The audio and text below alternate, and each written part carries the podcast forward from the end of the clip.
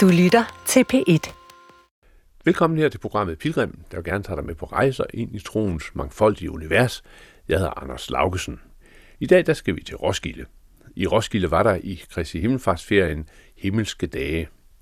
Over 400 arrangementer, masser af gudstjenester, telte med organisationer, som viste, hvad de var, de arbejdede med. Det havde tiltrukket tusindvis af mennesker til byen, og jeg var også med. Her er der en lille reportage af noget af det, som jeg fik med, og den første af stemmerne, det er biskop over Roskilde Stift, Peter Fischermøller.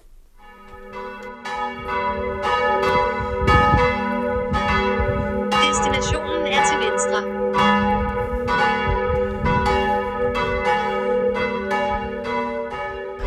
Peter Fischer, det øh, vrimler omkring en Roskilde Domkirke med mennesker, der går fra den ene begivenhed til den anden. Det er jo et utroligt øh, program, som har været her. Hvad er det egentlig, der sker, når kirkefolk samles til himmelske dage? For det første så øh, er det jo det her med at, at mødes på tværs. Øh, forhåbentlig ikke kun kirkefolk, eller hvad det hedder, vi er jo i princippet alle sammen, eller rigtig mange af os er kirkefolk, øh, fordi vi, men det er ikke kun, det er ikke, det er ikke, det er ikke kun dem, der er specielt kirkeligt engageret i, øh, i nogle af, af, af kirkerne, også frikirkerne og de, de katolske kirker, og i de kirkelige organisationer. Men intentionen med det her har jo også været, at vi skulle komme øh, uden for øh, det sådan internt kirkelige. Øh, det var, øh, det var en, en, øh, øh, en vision, man fik i København for seks år siden, da man, da man flyttede øh, himmelske dage, eller Dansk Kirkedag ud på gader og stræder, øh, for at vi kunne møde folk der, hvor de selv færdes, og, og vække nysgerrighed og komme i dialog øh, med en, en bredere del af den danske befolkning. Og, og her har vi jo så også, ud over kirkefolk, har vi jo også folk, der... Øh, vores, vores gode muslimske øh, ja. øh, medborgere her i, øh, i øh, Aya Sofia måske har jo har jo øh, inviteret til åben moské, så, så folk har også kunnet gå derover, og vi har på den måde også kunnet række hånden ud til, til øh, religionsdialog. Så det, der sker, det er jo, at, at vi bliver inspireret af, at der er andre måder at, at, at tænke og udtrykke kristendom på, end, end den, øh, der finder sted derhjemme i vores egen øh, kirke. Over årene har kirkedage og himmelske dage jo også været en måde at, at tage temperaturen på. Hvad, hvad sker der i det brede kirkeliv, både i folkekirken, men også uden for folkekirken, fordi det er der, man, man ser mennesker bringe forskellige ting ind, dels i workshop og i stande osv. Man kan fornemme, hvad det er, der rører sig. Hvad har du fornemmet ligesom rører sig her i 2022? Jamen altså, vi har jo haft øh, øh, øh, netop en overskrift, der hedder Grib fremtiden. Vi har haft øh, øh, bæredygtig udvikling, altså øh, klima, miljø, biodiversitet, bæredygtighed, har været sådan et, en, øh, en slags øh, fælles overligger. Øh, det er de samfundsmæssige øh, øh, problemstillinger, som, øh, som øh, har været sådan de primære, som vi har tænkt programmet ind i forhold til. Så er der jo kommet andre ting til. Øh, krigen i Ukraine har, har selvfølgelig også øh, sat sit præg på, øh, på de her himmelske dage, øh, og, og der er plads til øh, alt muligt andet også. Nu var jeg til en, en, øh, en forbundsgudstjeneste for forfulgte kristne øh, her i går aftes i, øh, i, i domkirken. Så det er jo en, en meget stor mangfoldighed. Men, men den her bevidsthed om, at, øh, at kirken er en aktiv og vigtig medspiller i forhold til nogle af vores store samfundsmæssige udfordringer, øh, det, øh, det tror jeg altid har været en del af, af danske kirkedage. Øh, men det er blevet mere, skal vi sige, bredt forstået, og, og man opfatter det ikke som, at det er sådan et eller andet venstreorienteret projekt, fordi man, øh, fordi man gerne vil øh, øh, sammen undersøge, hvad har øh, kristendom at sige i forhold til, til spørgsmål, som vi går og tumler med ud i samfundet. Det synes også i hvert fald for mig, som der måske er kommet en større grad af inderlighed ind. Altså der er i hvert fald øh, mange programpunkter, der handler om fordybelse og kontemplation og sådan, altså nogle udtryk, som, som vi ikke har set så, så meget så tydeligt tidligere. Men det tror jeg er rigtigt, og det har jo nok igen noget at gøre med et, et, et en ungdom, øh, som kommer til at lide af, af klimaangst, øh, generation, som er, er er præget af stress, øh, en, en livsform, øh, hvor, hvor altså den her, det her accelerationssamfund, øh, hvor alting øh, bare går hurtigere og hurtigere, at, øh, at vi bliver opmærksom på, at det er usundt for mennesker, og, og hvor er det, vi så kan finde, øh, finde hvile, og der er det jo naturligt nok at søge til, til vores egne religiøse rødder, Øh, i, øh, i kristendommen og sige, hvad er, der, hvad er der af visdom at hente der. Så det har nok noget at gøre med, med at, at, øh, at vi er blevet mere opmærksom på, hvor meget det her accelerationssamfund i virkeligheden øh, slider på os, og hvor svært det er at stå af hamsterhjulet, øh, og at det har vi brug for, det har vi brug for at hjælpe hinanden med, øh, hvis det skal kunne lykkes. Og, og ind i det, så kan man sige, at, øh, at det at lytte, det at lytte øh, også fremtræder øh, sådan på en, en, en, en ny plads. Ja, altså det tror jeg, du har ret i, at, at, øh, at vi er sådan mindre øh, fokuseret på at lave udtalelser eller proklamationer, eller, eller komme med, med, med sådan et eller andet øh, øh på den måde lidt... Øh, øh, øh, der, er vi, der, der er vi et sted måske, hvor vi er mere optaget af øh, at, og, øh, at blive inspireret af de forskellige stemmer, at lytte til forskellige stemmer. Altså, du ved, det er meget sundt. Mennesker, også præster, også biskopper, er udstyret med, med to ører og en mund, fordi vi skal lytte dobbelt så meget, som vi skal tale. Det er ikke altid, at andre oplever os på den måde, øh, men, øh, men øh, det synes jeg er sundt, hvis vi, hvis vi bliver mere optaget af, hvad det er, vi, vi kan suge til os af, af inspiration ved at lytte til de andre. Dejlig er jorden, prægtig er Guds himmel, vi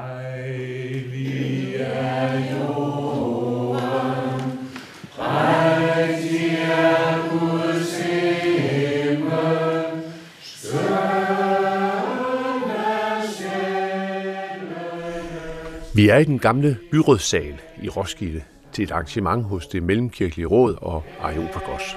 Det er et arrangement om de ortodoxe kirkers betydning ind i en dansk sammenhæng.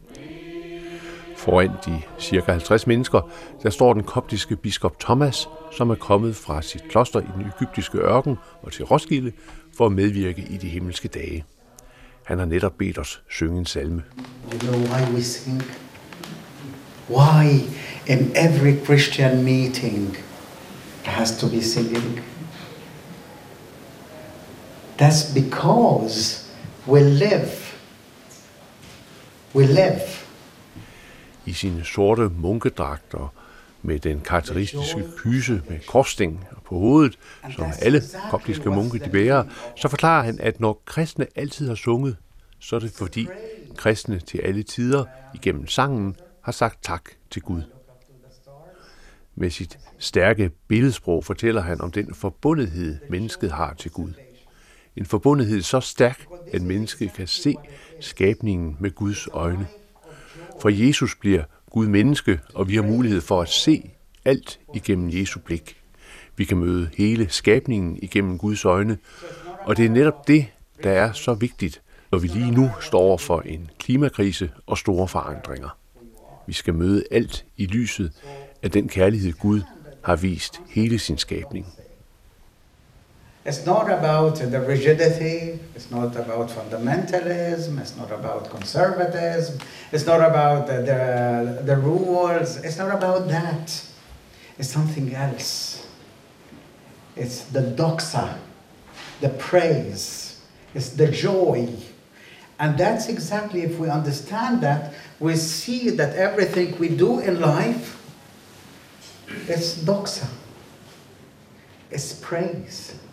And that's why the people of God.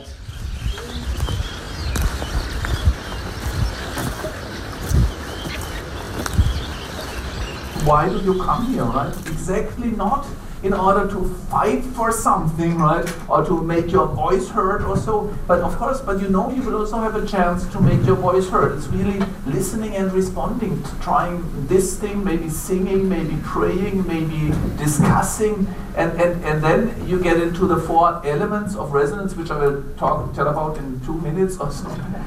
But let me start by the question, by, by the attempt to answer. Umiddelbart er der langt fra den spinkle, lysende biskop fra den egyptiske ørken og til den tyske sociologiprofessor Hartmut Rosa, der er i samtale med psykologiprofessor Svend Brinkmann. And the third term is actually Germany das gelingende Leben.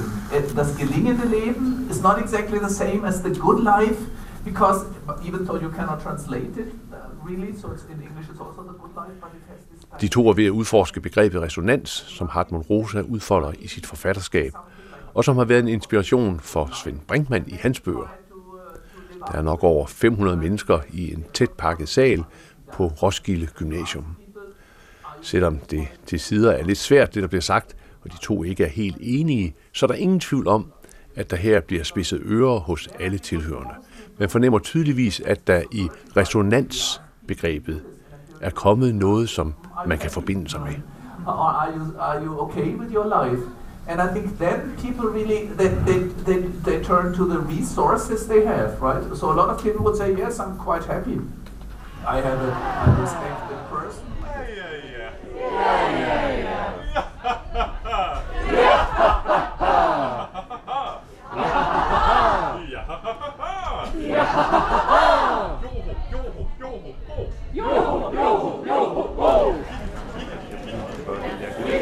Vi sidder herinde i et øh, telt fyldt med genbrugsvarer, og der er øh, tøj på øh, krogene og øh, lysestager og tallerkener, som man kan købe. Og, og, og sådan en genbrugsbutik som den her øh, i telt er jo udtryk for, at man gerne vil samle penge sammen til mennesker, der har det svært. Og den der opmærksomhed på mennesker, der har det svært, er noget, som man kender i rigtig mange kirkelige sammenhænge, altså en resonans i forhold til, til andre mennesker. Men, men lige nu er vi jo i en situation, hvor det med klima også kommer op. Behovet for opmærksomhed og resonans i forhold til naturen. Hvad, hvad tænker du om den problemstilling? Jeg tænker, det er ret vigtigt. Det er noget, vi øver os på at, at blive bedre til at mærke den forbundethed, øh, vi har med, med resten af skaberværket. For som du siger, så har vi haft meget fokus på, på den, den anden, øh, og det er jo øh, rigtig godt, og det, kan vi, det skal vi heller ikke miste. Men på mange måder skal vi også øve os i at ligesom at kunne, øh, øh, kunne ånde øh, sammen med naturen og med Gud og med andre mennesker. Altså når vi, når vi, øh, når vi anskuer øh, verden, så skal vi kunne, også kunne anskue, at vi er en del af, vi er en del af naturen. Øh, når vi trækker vejret, så trækker vi vejret med naturen og med Gud. Øh, at vi ikke er, er, er noget andet, men vi er faktisk øh, dybt forbundet. Jeg, jeg har kom til at tænke på, at øh, nogle af de sådan dybe spirituelle erfaringer, jeg har, har været sådan erfaringer af, af enhed. Øh, og den der fundamentale oplevelse af enhed, som jeg har været velsignet at, at opleve i, øh, i meditationer, er, er sådan en, en grundlæggende erfaring af at være forbundet med, med alt. Øh, og den oplevelse, den glemmer jeg i min hverdag. Altså, og så tænker jeg rigtig meget på, når man, jeg arbejder også meget med udsatte borgere, men så, så er det jo det enkelte individ, men jeg glemmer simpelthen, at jeg hænger sammen med naturen. Øh, og vi glemmer det også i kirken. Vi har meget lidt sprog for, øh, vi har mange få bønder, der handler om det. Det er begyndt at komme så småt, men, men vi har simpelthen så meget fokus på den, den enkeltes frelse også i virkeligheden. Altså når vi tænker på frelse, så tænker vi også på individer. Vi tænker ikke på hele skaberværkets frelse. Øhm, så vi skal simpelthen opbygge nye billeder, perspektiver, fortællinger om, at vi er forbundet. Øh, det, det er, og jeg tror, der er en enorm stor kraft i, at vi netop med troen og i de religiøse øh, miljøer faktisk kan, kan bruge det, at vi har en tro, øh, som, hvor- som er, han har en fundamental forbundethed øh, med naturen. Og den, den skal vi simpelthen bruge. Vi har så mange ressourcer i de religiøse øh, institutioner øh, og en mobiliseringskraft, som er vigtig ind i den her tale om, hvad vi gør med, med de klimaforandringer, vi står overfor.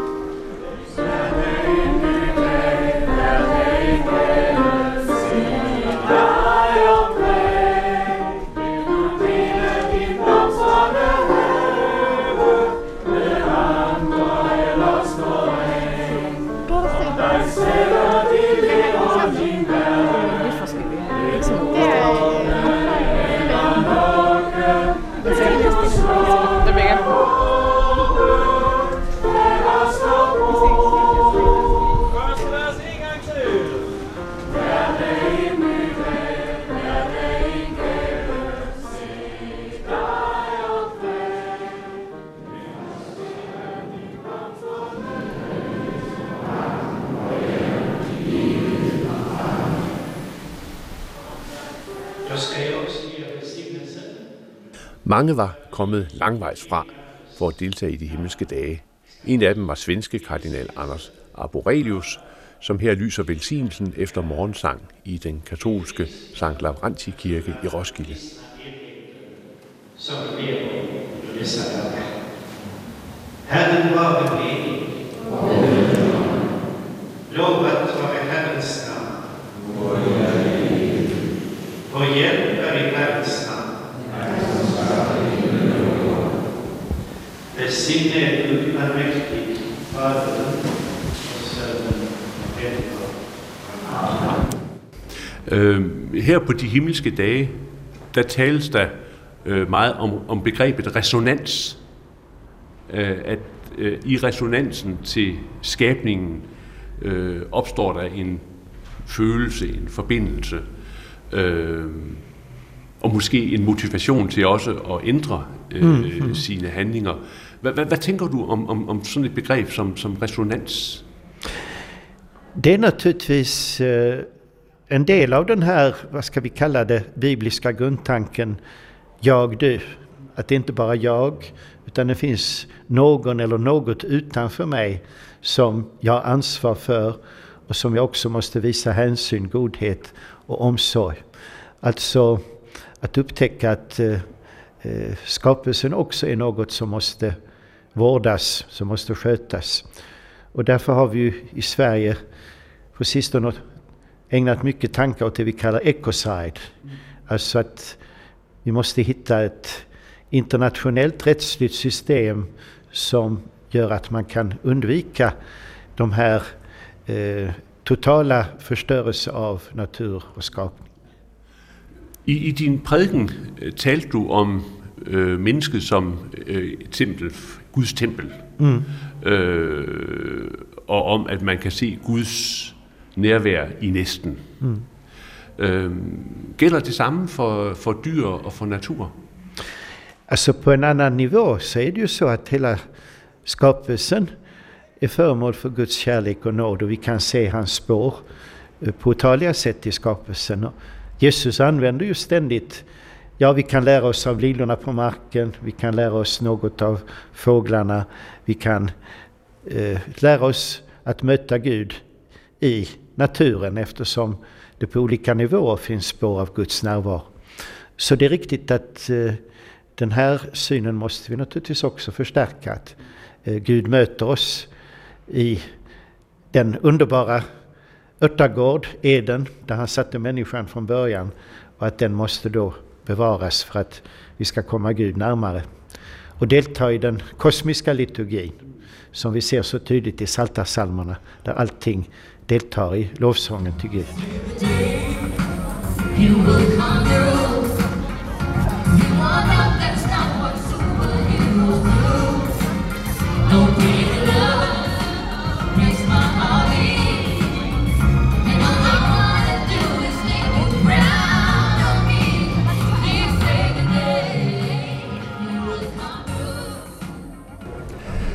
Lars, du, du står inde i kirkekære. Øhm, hvad, hvad er det, I, I laver? Vi går på gaden, øh, blandt andet om natten og i boligsociale områder, for at skabe lydhed, nærvær og omsorg for de mennesker, som vi nu engang møder. Så vi vil gerne reflektere Guds kærlighed på den mest enkle og praktiske façon øh, i bylivet. Hvordan kom du til det? Jamen det, det gjorde jeg på den måde, at, at øh, lederen af, af kirkekær øh, kom til sådan en inspirationsmøde, hvor jeg var til stede sammen med nogle andre præster, og øh, der kunne jeg bare mærke, at der skete noget inde i hjernen, da han fortalte om, om, om det her arbejde med, at, at kirkefrivillige går på gaden og snakker med mennesker. Jeg, jeg, jeg, jeg så for mig, at, at det vil være virkeligheden i den by, jeg kommer fra, nemlig Aarhus, øh, at vi vil være mennesker, som, som skaber, er med til at skabe fred. Altså at uh, Guds fred bliver, bliver virkelig bliver kødeliggjort på, midt, midt på gaden, midt i kaoset. Men, men prøv lige at beskrive det øjeblik, hvor du ligesom finder ud af, at det er det, der, det, der skal ske. Jeg kan huske, at øh, der skete noget med kroppen. Øh, min, min krop blev ligesom øh, lidt opvagt, eller øh, mit, mit hoved øh, gik, gik op. Altså, der, der skete noget kropsligt, som jeg, lidt, jeg kan ikke rigtig forklare det. Hvad, hvad skete der så inde i, sådan, inde i følelserne, tankerne? Ja. Det, det, det var noget, der, der løftede mig op, og det føltes som, som, som, som, som noget lyst øh, inde, inde i mig. Um, så jeg var opløftet og belyst, øh, og så billeder ind i hovedet. Var det en proces, eller skete det pludselig? Det skete helt pludseligt, ja. Det var, jeg har godt nok lyttet til, til personen der et godt stykke tid, men så... Øh, jamen, jeg kan ikke sige, at det kom snigende, for det kom som, som lyn fra en klar himmel. Nu, nu taler man her forskellige steder om det, det der med resonans. Altså, Rosa taler om, om resonans. Tror du, det var et øjeblik af, af dyb resonans, det der? Ja. altså, i, i min tradition vil det så være, at, at, at inspiration, altså inspiratus, at det er, det, det er Helligånden, som, som kommer på besøg. Og Helligånden søger altid det konkrete, øh, det kropslige. Det kender vi fra, fra, fra, fra, fra Jesus, øh, da, da han bliver menneske og bliver kød på jorden. Så, så, så på den måde, så, så slår ånden ned i en krop. Øh, ja. Har det så øh, skabt et før og efter? Allerhøjeste grad. Øhm, jeg gik i gang med det samme, faktisk, øh, øh, med de udfordringer, der nogle gange er at lave en ny organisation i en, en, en kæmpe by som Aarhus, øh, og, og finde andre, som synes, at det også er en god idé. Og der, der sker der det, som, som med, med så mange andre ting, at når nogen er grebet, som jeg så var i det her tilfælde, så, så var der andre, der også blev grebet. Altså, så spreder det sig. Og det, det er virkelig forunderligt. Øh, og, og derfor så gav det meget stor opmærksomhed i starten, og der kom rigtig mange med ombord. Og så så, øh, så, så fik vi skabt en organisation, der begyndte at gå på gaden om natten i Aarhus, og, og The Rest is Silence. Nej, det hedder det ikke. hvad, hvad, så, hvad så i forhold til dit virke som, som præst? Fordi du, du, du er præst almindeligvis som søndag og prædiker osv. Ja. Altså, jeg er zonepræst i Folkekirken, og øh, jeg, jeg, jeg har bemærket, at øh, mine prædikener er blevet mere mundtlige, de er blevet kortere, og de er blevet meget mere konkrete. Så den her... Øh, det her menneskebad, man får sådan en, en nat nede i Aarhus Midtby øh, fredag nat, den, den, den kommer altså til at smitte af øh, om, om søndagen. Øh, i, i den, også den måde, jeg synes, jeg sådan set optræder på som person, altså personlig øh, optrædende, øh, den måde, jeg går til tingene på, den tilgang, jeg har øh, til, øh, når jeg læser om Jesus. Altså, Jesus, øh, han gik altså tre år på gader og stræder og snakkede med alle mulige mennesker. Jeg, jeg føler mig meget mere i kontakt med ham nu, også når jeg står på prædikestolen. Det der med, med, med, med resonans, eller det med at, at have følelsen af, at man er det rigtige sted øh, med det, man laver. Kan du, kan du ikke lige prøve at, at, at, at sådan beskrive lidt omkring det, altså i forhold til det at gå på gaden, hvordan, øh, hvordan du oplever det inde i dig, det at Altså nu har du fundet en vej. Mm. Altså vi, vi arbejder med teams, og så øh, og, og starter altid med at sætte scenen i forhold til, at vi, vi holder andagt sammen, og vi beder sammen og beder om, om lys og grækning. Det, der er det forunderlige ved at vi oplever altid, at Kristus er gået foran os. Så han er allerede til stede i byen. Det er ikke os, der kommer med Kristus eller lyset eller freden, men han, det er der allerede. I et hvert menneske, som, som vi møder på vores vej, uanset hvor, hvor, hvor stenet eller øh, fuld vedkommende måtte være, så har Kristus er gået foran os. Så det mærker vi. Så, så på en måde bliver øh, byen og nattelivet og med alt, hvad det rummer, øh, er egentlig et sacred place. Jeg kan give et, øh, et konkret eksempel. Øh, jeg gik ned ved åen, som er det sted i Aarhus, hvor, hvor, hvor det er jo rigtig mange af de unge mennesker mødes, og diskotekerne ligger. Og så gik jeg, og så kommer der en, en sådan tatoveret fyr med, med kort trøje på, øh, og så et kæmpe kors, ud over hans t-shirt der. Og jeg følger så med ham, og så, så, så siger jeg så, det, du har sådan en stor kors der. Så siger han, er du rigtig klog, mand? Hvis det ikke var fordi, at, øh, at Gud han var en del af mit liv, så ville jeg aldrig nogensinde, øh, kunne jeg aldrig nogensinde leve. Og så gik han så videre. Så ofte så er det jo de andre, som, som oplever os og oplyser os om, hvem Gud er og hvor stor han er. You will conquer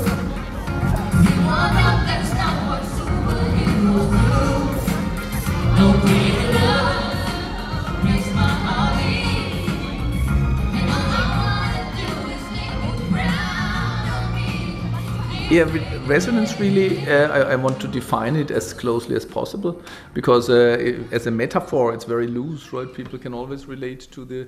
Uh, Som metafor er resonans et ret løst begreb, fortæller professor Hartmut Rosa under en samtale. Han fortæller mig, at han derfor gerne vil forsøge at definere resonans så præcist som muligt. Og han siger, resonans er et samspil imellem os som mennesker og så et andet objekt, det kan være mennesker, men det kan også være musik, natur eller en idé, eller for den sags skyld andre fænomener. Men resonans har fire elementer. Det første er følelsen af, at vi bliver berørt eller bevæget af noget. Det kan man for eksempel se, når mennesker får tårer i øjnene. Det andet er et element af, at vi bliver bevæget indefra og ud. Det er en bevægelse i modsat retning af, at jeg bliver berørt. Jeg reagerer eller svarer på berørtheden. Jeg rækker ud og forsøger at skabe forbindelse fra mig, fra min side. Så man kan sige, at i resonansen er der en forbindelse, som går to veje. Noget berører og bevæger mig, så jeg går ud over mig selv. Der er et øjeblik, hvor jeg føler mig i live. Det tredje element er forandring eller transformation. Når jeg er i resonans med noget eller nogen, så forandrer det mig. Jeg forbliver ikke den samme. Det forandrer mine følelser, min tænkning, eller i særlige tilfælde også, hvem jeg er. Så forandring er altså det tredje element. Det fjerde element er, hvad jeg kalder unverfügbarkeit, siger Helmut Rosa. Utilgængelighed. Det er svært at oversætte, men det betyder, at resonans ikke kan fremstilles eller fremkaldes på kommando. Det kan ikke købes. Man ved ikke, hvornår det sker, og man kender aldrig udkommet af et møde med resonans. Det forandrer os, men vi ved ikke, hvad resultatet af denne transformation vil være. It transforms us, but we don't know uh, what exactly uh, will happen or what the result of this transformation will be. What's going on, my boy? It's been a while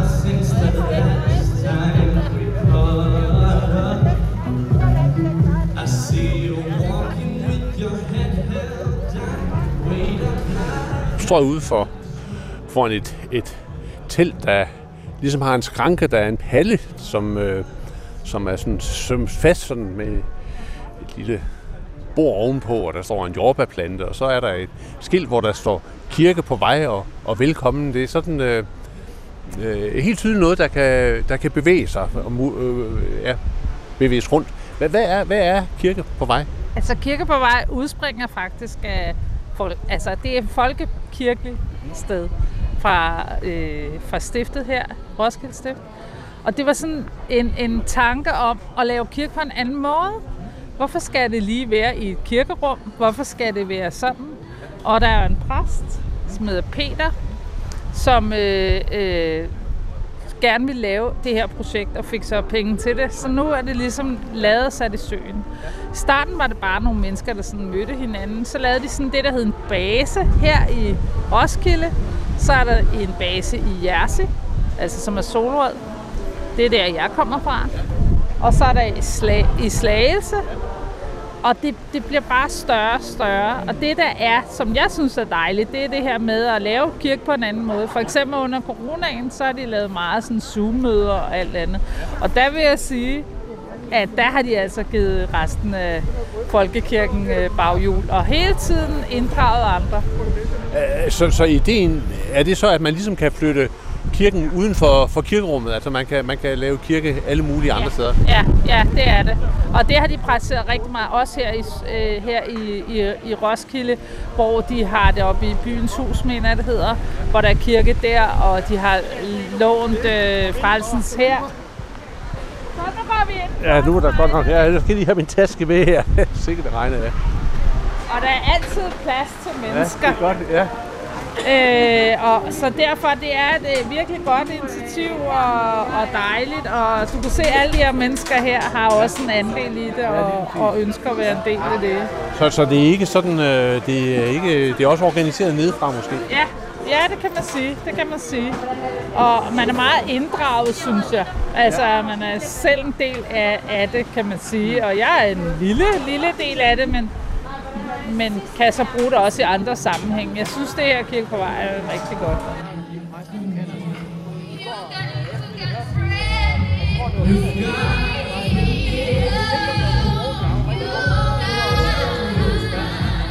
I projektet Kirke på Vej, der bryder I på mange måder med øh, nogle af de former, nogle af de billeder, vi har inde i hovedet af, hvad det vil sige, og, og hvad kirke, og du er initiativtager til, til, til projektet. Hvorfor hvorfor sådan et initiativ, altså Kirke på Vej, ind i den tid, vi er i lige nu? Mm.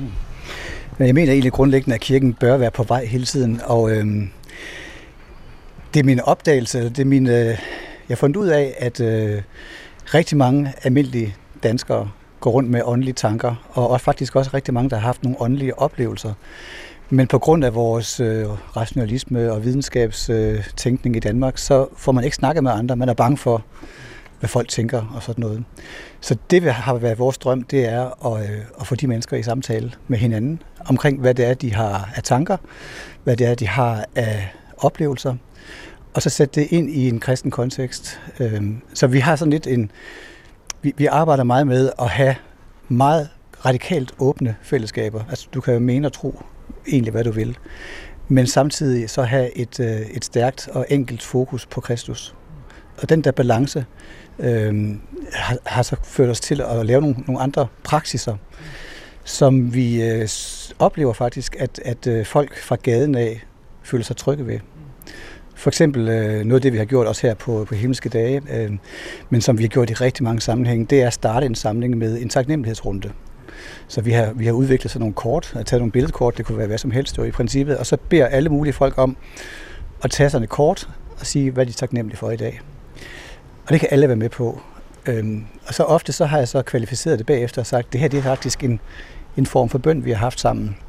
Og hvis nogen af jer har lyst til at række den taknemmelighed videre til Gud, så kan man gøre det.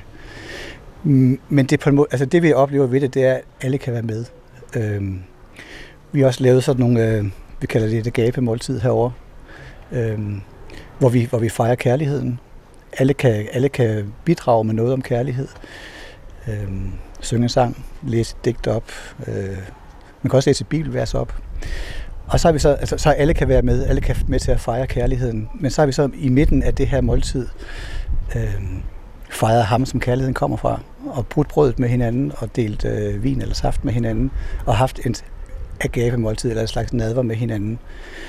Øh, så den der, med, den der tanke med at, at være med i noget, hvor alle kan bidrage, og hvor, hvor, hvor der ikke bliver sat, sat, øh, set skævt til, hvad man tænker og mener, men samtidig også fokusere ind på Kristus øh, som en del af den praksis. Har, har det så været nødvendigt på sin vis at bryde ud af det almindelige kirkerum for at kunne øh, lave det der? Ja, altså det er jo det, der har været det, det spændende. Det har været at, at, at gå ud af kirkerummet, fordi det er jo enormt trygt at være i et kirkerum. Du har et kors, og du har salmebog og alt muligt, alle vejen. Men hvad, men hvad har man så egentlig, når man går udenfor? Man har måske naturen, det har man, når det er pilgrimsvandringer. Men hvad har man ellers? Øh, jeg havde en meget spændende samtale med en, øh, en feltpræst på et tidspunkt for nogle år siden, som sagde, at når de var øh, dernede i øh, Afghanistan, hvor det var henne, så manglede han jo også et kirkerum. Og, øh, og det han så gjorde, det var at sige, at vi, vi mødes hernede bag i, i campen, hvor der er stille og roligt. Og så havde han et kors med, og det plantede han i den der sandbunke. Og når han havde plantet det der kors, så var der et kirkerum kan man sige. Og, og sådan lidt i, i overført betydning, så har vi arbejdet lidt med det, at jamen, hvordan kan vi plante et kors i gode øjne, øh, hvor som helst. Øh, så vi har arbejdet med det for eksempel på en aftenskole, øh, øh, og skabe nogle rammer for, at mennesker kan komme i samtale med hinanden omkring tro øh, og spiritualitet og sådan nogle ting. Øh, og det øver vi os faktisk i. Hvordan, hvordan kan man skabe den der ramme i princippet hvor som helst? Men sådan, sådan alligevel er tydelig. Det er ikke bare hvad som helst, vi samles om heller. Men, men det er i orden at være på vej. Altså, det er vi jo alle sammen. Øhm, ja. Hvad er det så, øh, hvad er det så, I har fundet? Altså ved simpelthen at, at bryde rammerne og øh, introducere helt nye former og, altså har det bidraget med noget nyt ind til det, og, og altså din, din oplevelse, du er gammel præst, altså din oplevelse af det at, at være, øh, være kirke? Mm. Altså, jeg, jeg synes, at, øh, at det udvider min horisont gevaldigt på, at Gud er, er til stede alle mulige steder. Og han har, øh, han har gang i noget i os alle sammen. Og det er det, der er lidt spændende, det er at få det gravet frem, eller at få skabt noget tryghed omkring, at man kan få det frem. Så altså, vores sådan, teologiske grund, sådan, holdning, det er, at, at Gud er, er i gang omkring os. Og vores opgave som kirke egentlig er at lytte os ind til det, eller finde frem til, hvad det er, han har gang i, og så lade os invitere ind i det. Øhm, det vil sådan være mit udgangspunkt. Øhm, at vi ikke sådan skal opfinde kirke. Jeg, jeg, jeg er egentlig ikke aktivist. jeg, jeg synes, jeg, det, er ikke, det er ikke fordi, vi skal finde på en masse nyt egentlig, bare for at gøre noget nyt. Men, men jeg synes, det har været spændende at, at, at sætte som en slags tese. Hvad nu, hvis Gud er i gang med noget lige rundt om mig? Og min opgave er at finde ind i det. Hvordan gør man så det? Og derfor har vi sådan fokuseret meget på nogle nye praksiser, som faktisk også har gjort, at vi har kunne, kunne samles på kryds og tværs af også teologiske hvad kan man sige, retninger og sådan noget. Og fordi det har været nogle lyttepraksiser. Hvordan lytter man egentlig til hinanden? Det er jo vigtigt i det første udgangspunkt. Men hvordan lytter man også til, altså hvad mener man med at lytte til Gud? Ikke? Øhm, og hvordan lytter man til en by eller til et område? Det er sådan nogle ting, vi har, har ligesom øvet os i. Øhm, og så på baggrund af, af den slags lytteøvelser, altså man er nødt til at snakke med folk, man er nødt til også at læse avisen, man er nødt til at læse Bibelen. Alle sådan nogle ting, hvis til sammen, når man så begynder som fællesskab at have en fornemmelse af, at der er et eller andet på færre her, så gør vi noget. Så tager vi et lille skridt, og, og hvis der så er en dør, der åbner sig, hvis der er nogle mennesker, der åbner sig op for os, eller for eksempel var der en aftenskole, der åbnede sig op for os på et tidspunkt på baggrund af sådan noget her, eller psykiatrien i Roskilde har det været, jamen så går vi frimodigt ind og siger, kan vide, hvad det er, så er, der er gang i her, og hvordan kan vi tage del i det. Øhm, så det er også lidt et eventyr. altså, det er noget af det, jeg synes, der er spændende ved at, at have den her tilgang. Det er, at, øh, at der er sådan et element af opdagelsesrejse øh, i det. Øhm, og det fritager mig fra alle de der øh, hvad kan man sige, lange udvalgsmøder, hvor man skal sidde og drøfte, hvad man nu kunne gøre, og hvad man ikke kunne gøre. Øh, fordi at vores måde at arbejde på er mere at tage udgangspunkt i en praksis sammen. Ja, og så lad os føre den vej.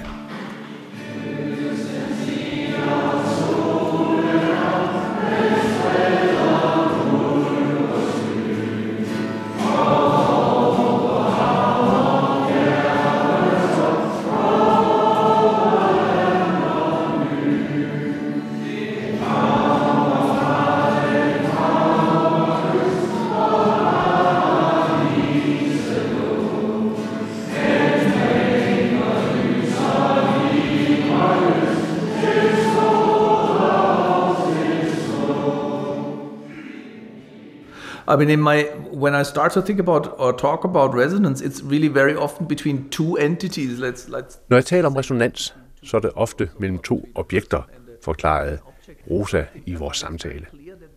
Oftest så er det to mennesker eller en person og noget andet, som jeg taler om. Men det er klart for mig, at resonans også kan være et kollektivt fænomen. Det ser man tydeligt i et klasserum.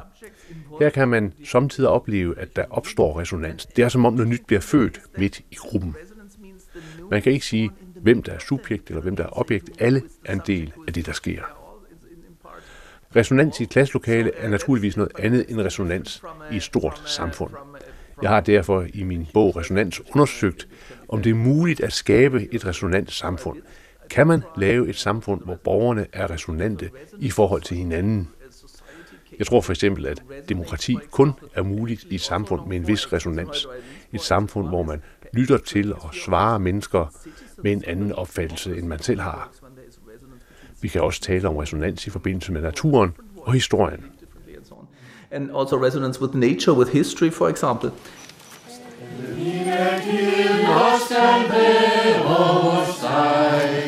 Det er Guds ord,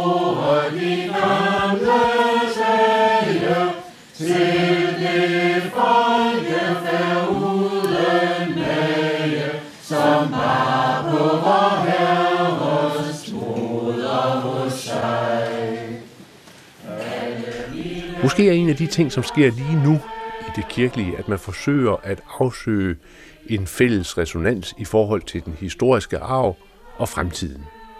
Begrebet resonans spillede i hvert fald med for mig, da jeg lyttede til en diskussion om dåbsritualet, en diskussion, der blev ført mellem sovnepræst Christiane Gammeltoft Hansen og biskop Thomas Reinholdt.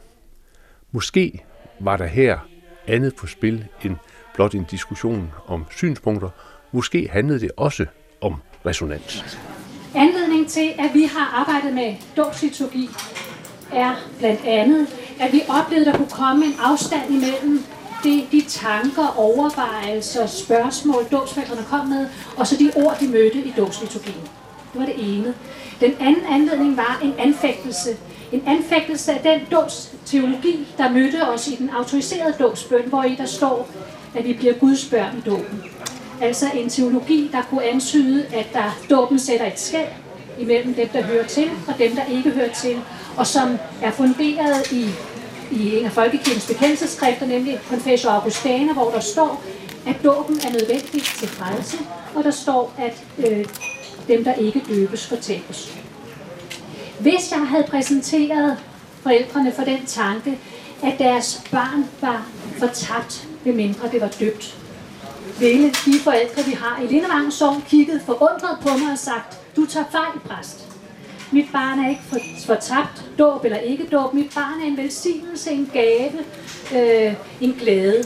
Og det er en af anledningerne til, at de faktisk kommer til dåben, fordi de gerne vil sige tak.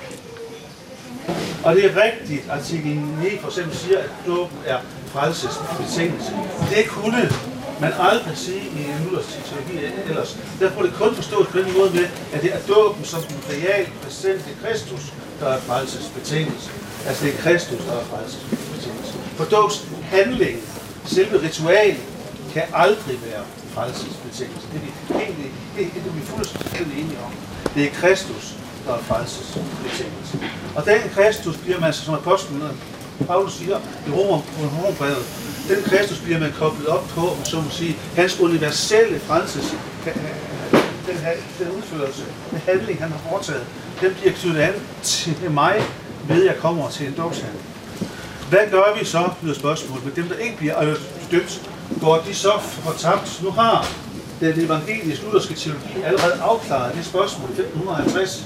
Men, men, men, men klart nej, så det vil sige, hvis man går rundt og siger, at den teologi teologi forkynder, at spædbørn, uddøbte spædbørn, de for, de for, for, for tabes, så taler man imod historien.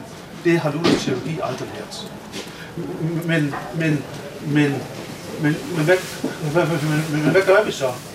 Når jeg ser på dåb, når jeg ser på dåbshandlingen, når jeg ser, at vor Herre åbenbarer sig i dåbshandlingen, og uden betingelser tager imod et uformående spædbarn, så kan jeg ikke tro, at den Gud lader udøbte gå fortabt. Men det er en forkyndelse, som dåben giver mig. Det er en tro, jeg har i Kristus. Det er min Kristus-tro, som betyder, at det kan jeg ikke tro. Så vi skal lige pas på med, at man stiller tingene for skarpt op og siger, hvis man er indenfor eller udenfor, det bliver for skævt, det bliver for, for alt for fundamentalistisk.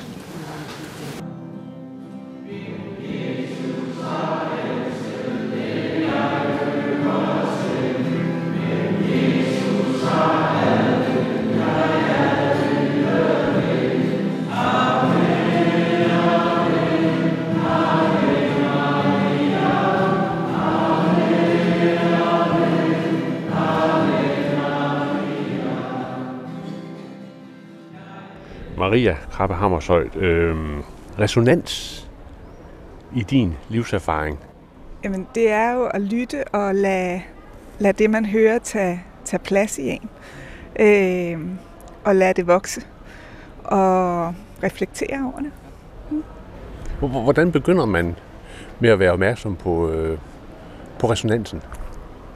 Jeg tror, i, i vores job, når vi har med mennesker at gøre, øh, som har brug for hjælp, så handler det meget om ikke, at øh, jeg lytter til dig, fordi jeg skal løse dit problem, men at jeg lytter til dig, fordi du er et andet menneske, og jeg vil gerne forstå, hvad det er, du prøver at sige til mig. Ikke hvad nødvendigvis, hvad dit problem er, men hvad der har ført til dit problem.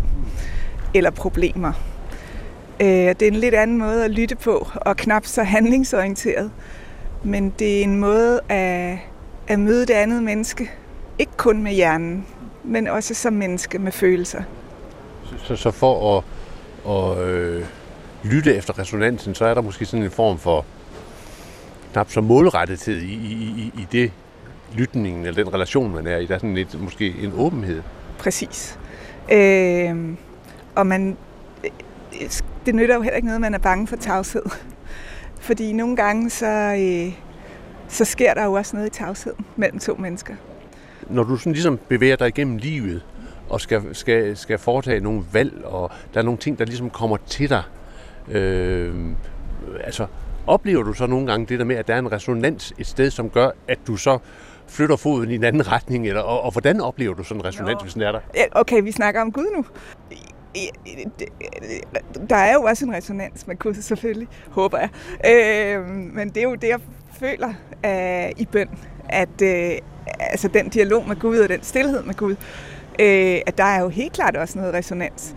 Øh, jeg er altid meget øh, forsigtig med at tolke. Altså Gud er jo ikke meddeler sig jo ikke altid lige klart og tydeligt øh, hvilket kan være en stor frustration. Men, øh, men netop derfor, så øh, det med hele tiden at finde ud af, hvad er Gud og hvad er mig selv, og, og øh, hvad vej skal vi her, det, det er jo en, en resonans, jeg bruger rimelig meget tid på i bøn.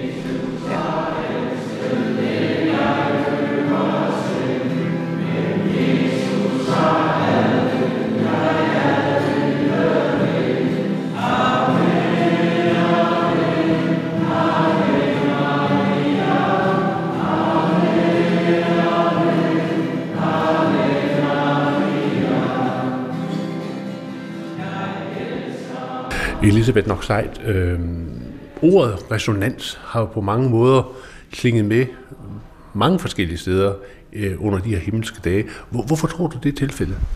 Altså jeg tror faktisk, der er ved at opstå en helt ny tænkning eller et nyt paradigme, altså en anden måde at forstå vores relation til naturen på, og det univers, vi er en del af.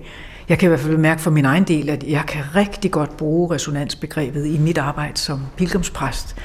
Fordi i virkeligheden så, skal, så handler resonansen jo om at opleve, at der er en klangbund, som ligger ud over os selv, og at der på en måde er en form for udveksling alle, skabende, alle skabninger imellem. Altså ikke kun mennesker, men også mellem mennesker og dyr og planter og det hele. Altså at, at resonansen er på en måde et udvidet rum af samtale og kommunikation, hvor, hvor vi ligesom, som Hartmut Rosa udtrykker det, responderer også på noget, der kalder på os. Altså, at det hele ikke bare afhænger af vores egen tænkning og hvad vi selv vil, men at vi ligesom bliver kaldet på udefra af forskellige ting, der sker i virkeligheden. Og det er jo næsten et, opfatter jeg ligesom som en kosmisk, øh, en, eller i hvert fald en udvidelse af vores normale tænkning om, hvad verden er. Altså verden omkring os bliver mere levende.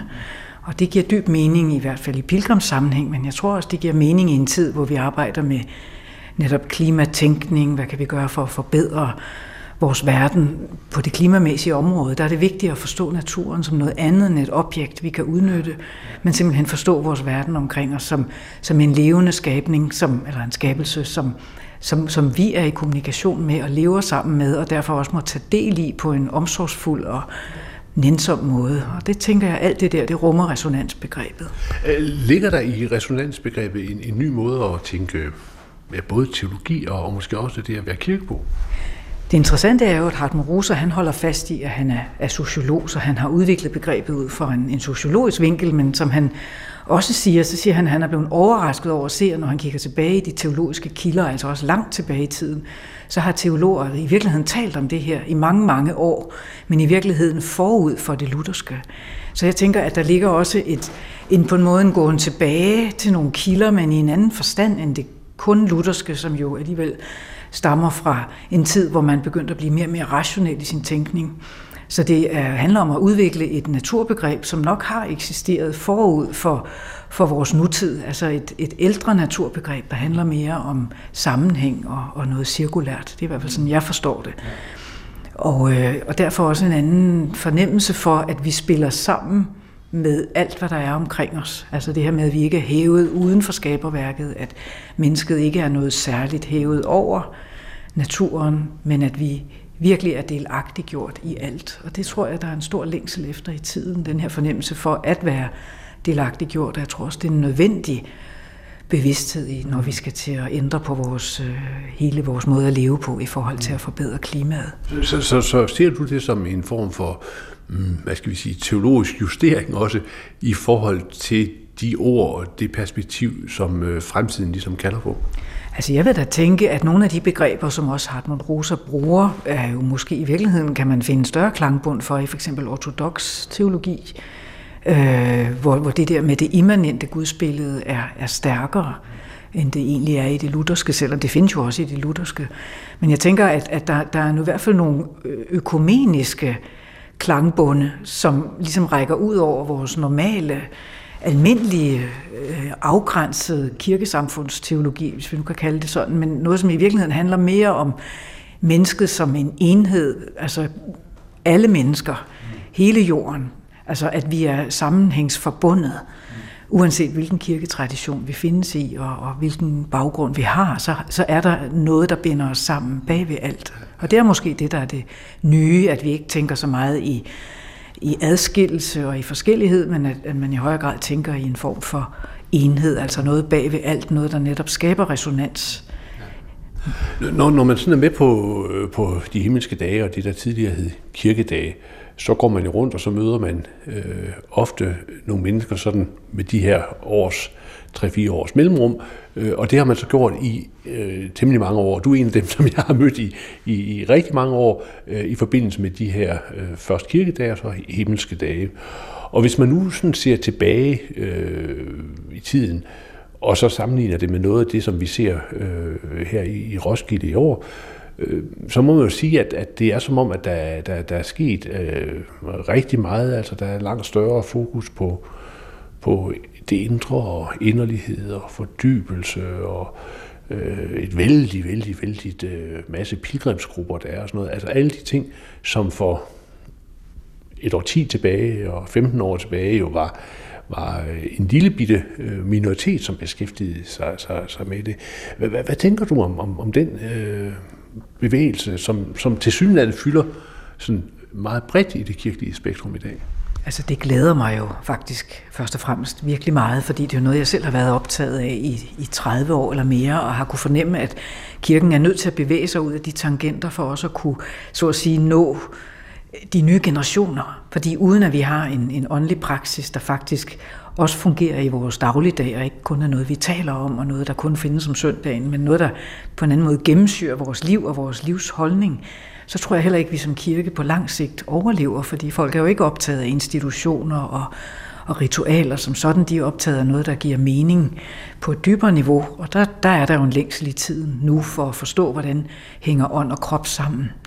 Jeg er jo selv med til at, at stå for en, en, en gruppe, som netop arbejder med krop og ånd, og vi har øh, skabt det, der hedder Pilgrimslandsbyen, ude langs Roskilde Fjord ved Sankt Hans Have, hvor der, vi har en masse ting omkring dans, bevægelse, bøn og så videre. Og der hører jeg på en del, der finder derud, som heller ikke er så kirkelig normalt. Det siger, at det er fantastisk godt at få et, et nyt billede af, hvad, hvad kirken også kan stå for. For eksempel det her med, at kroppen også har lov at være der, at, at vi har lov netop at resonere med vores krop, at, at, at der bliver en helhed også på den måde. Det, det fornemmer jeg, at det kan også være med til at give mennesker, der ikke er så vant til kirken, et nyt billede af, hvad kirken faktisk står for.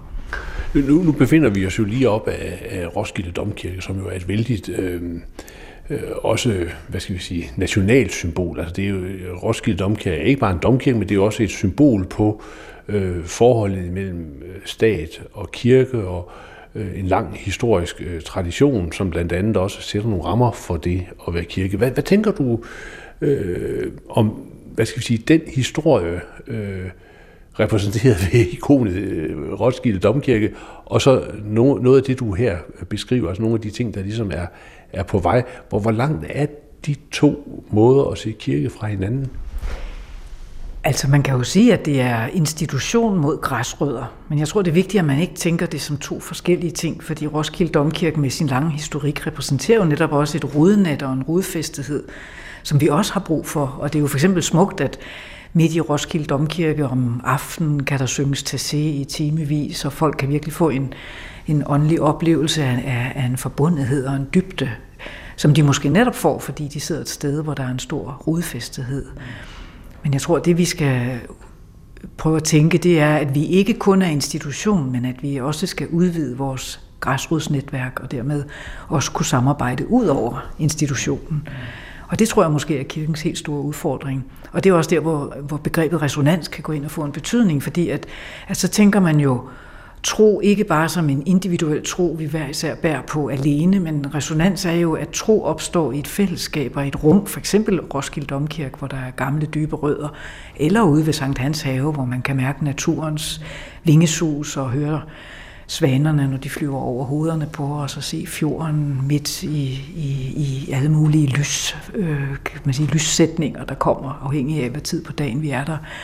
Og det er jo, det er jo forskellige trosudtryk, men det har alt sammen noget at gøre med en klangbund og en resonans, det her med at tilhøre noget dybere, noget som vi langsomt er ved at opdage, og det synes jeg faktisk er utroligt dejligt at mærke her, den der længsel, som udfolder sig på mange måder og mange steder, både netop i de store katedraler og så i de små minikatedraler, som vi har skabt ude omkring.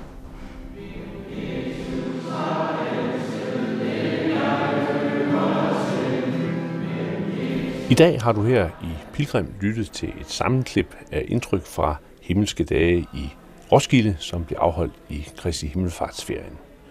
Undervejs mødte du Peter Fischer Møller, biskop Thomas, Louise Buk Viftruff, Folkekirkens kor, kardinal Anders Arborelius, Lars Lindgrav Sørensen, professor Hartmut Rosa, en kvinde, hvis navn jeg desværre ikke fik med, men hun kom fra kirken på vej, Peter Tingleff, Christiane Gammeltoft Hansen, Thomas Reinholdt, Maria Krab Hammershøj og her til sidst Elisabeth Noxeit. Her er det Anders Laugesen, som siger tak, fordi du lyttede med, og forhåbentlig på genhør om en uges tid. Gå på opdagelse i alle DR's podcast og radioprogrammer. I appen DR Lyd.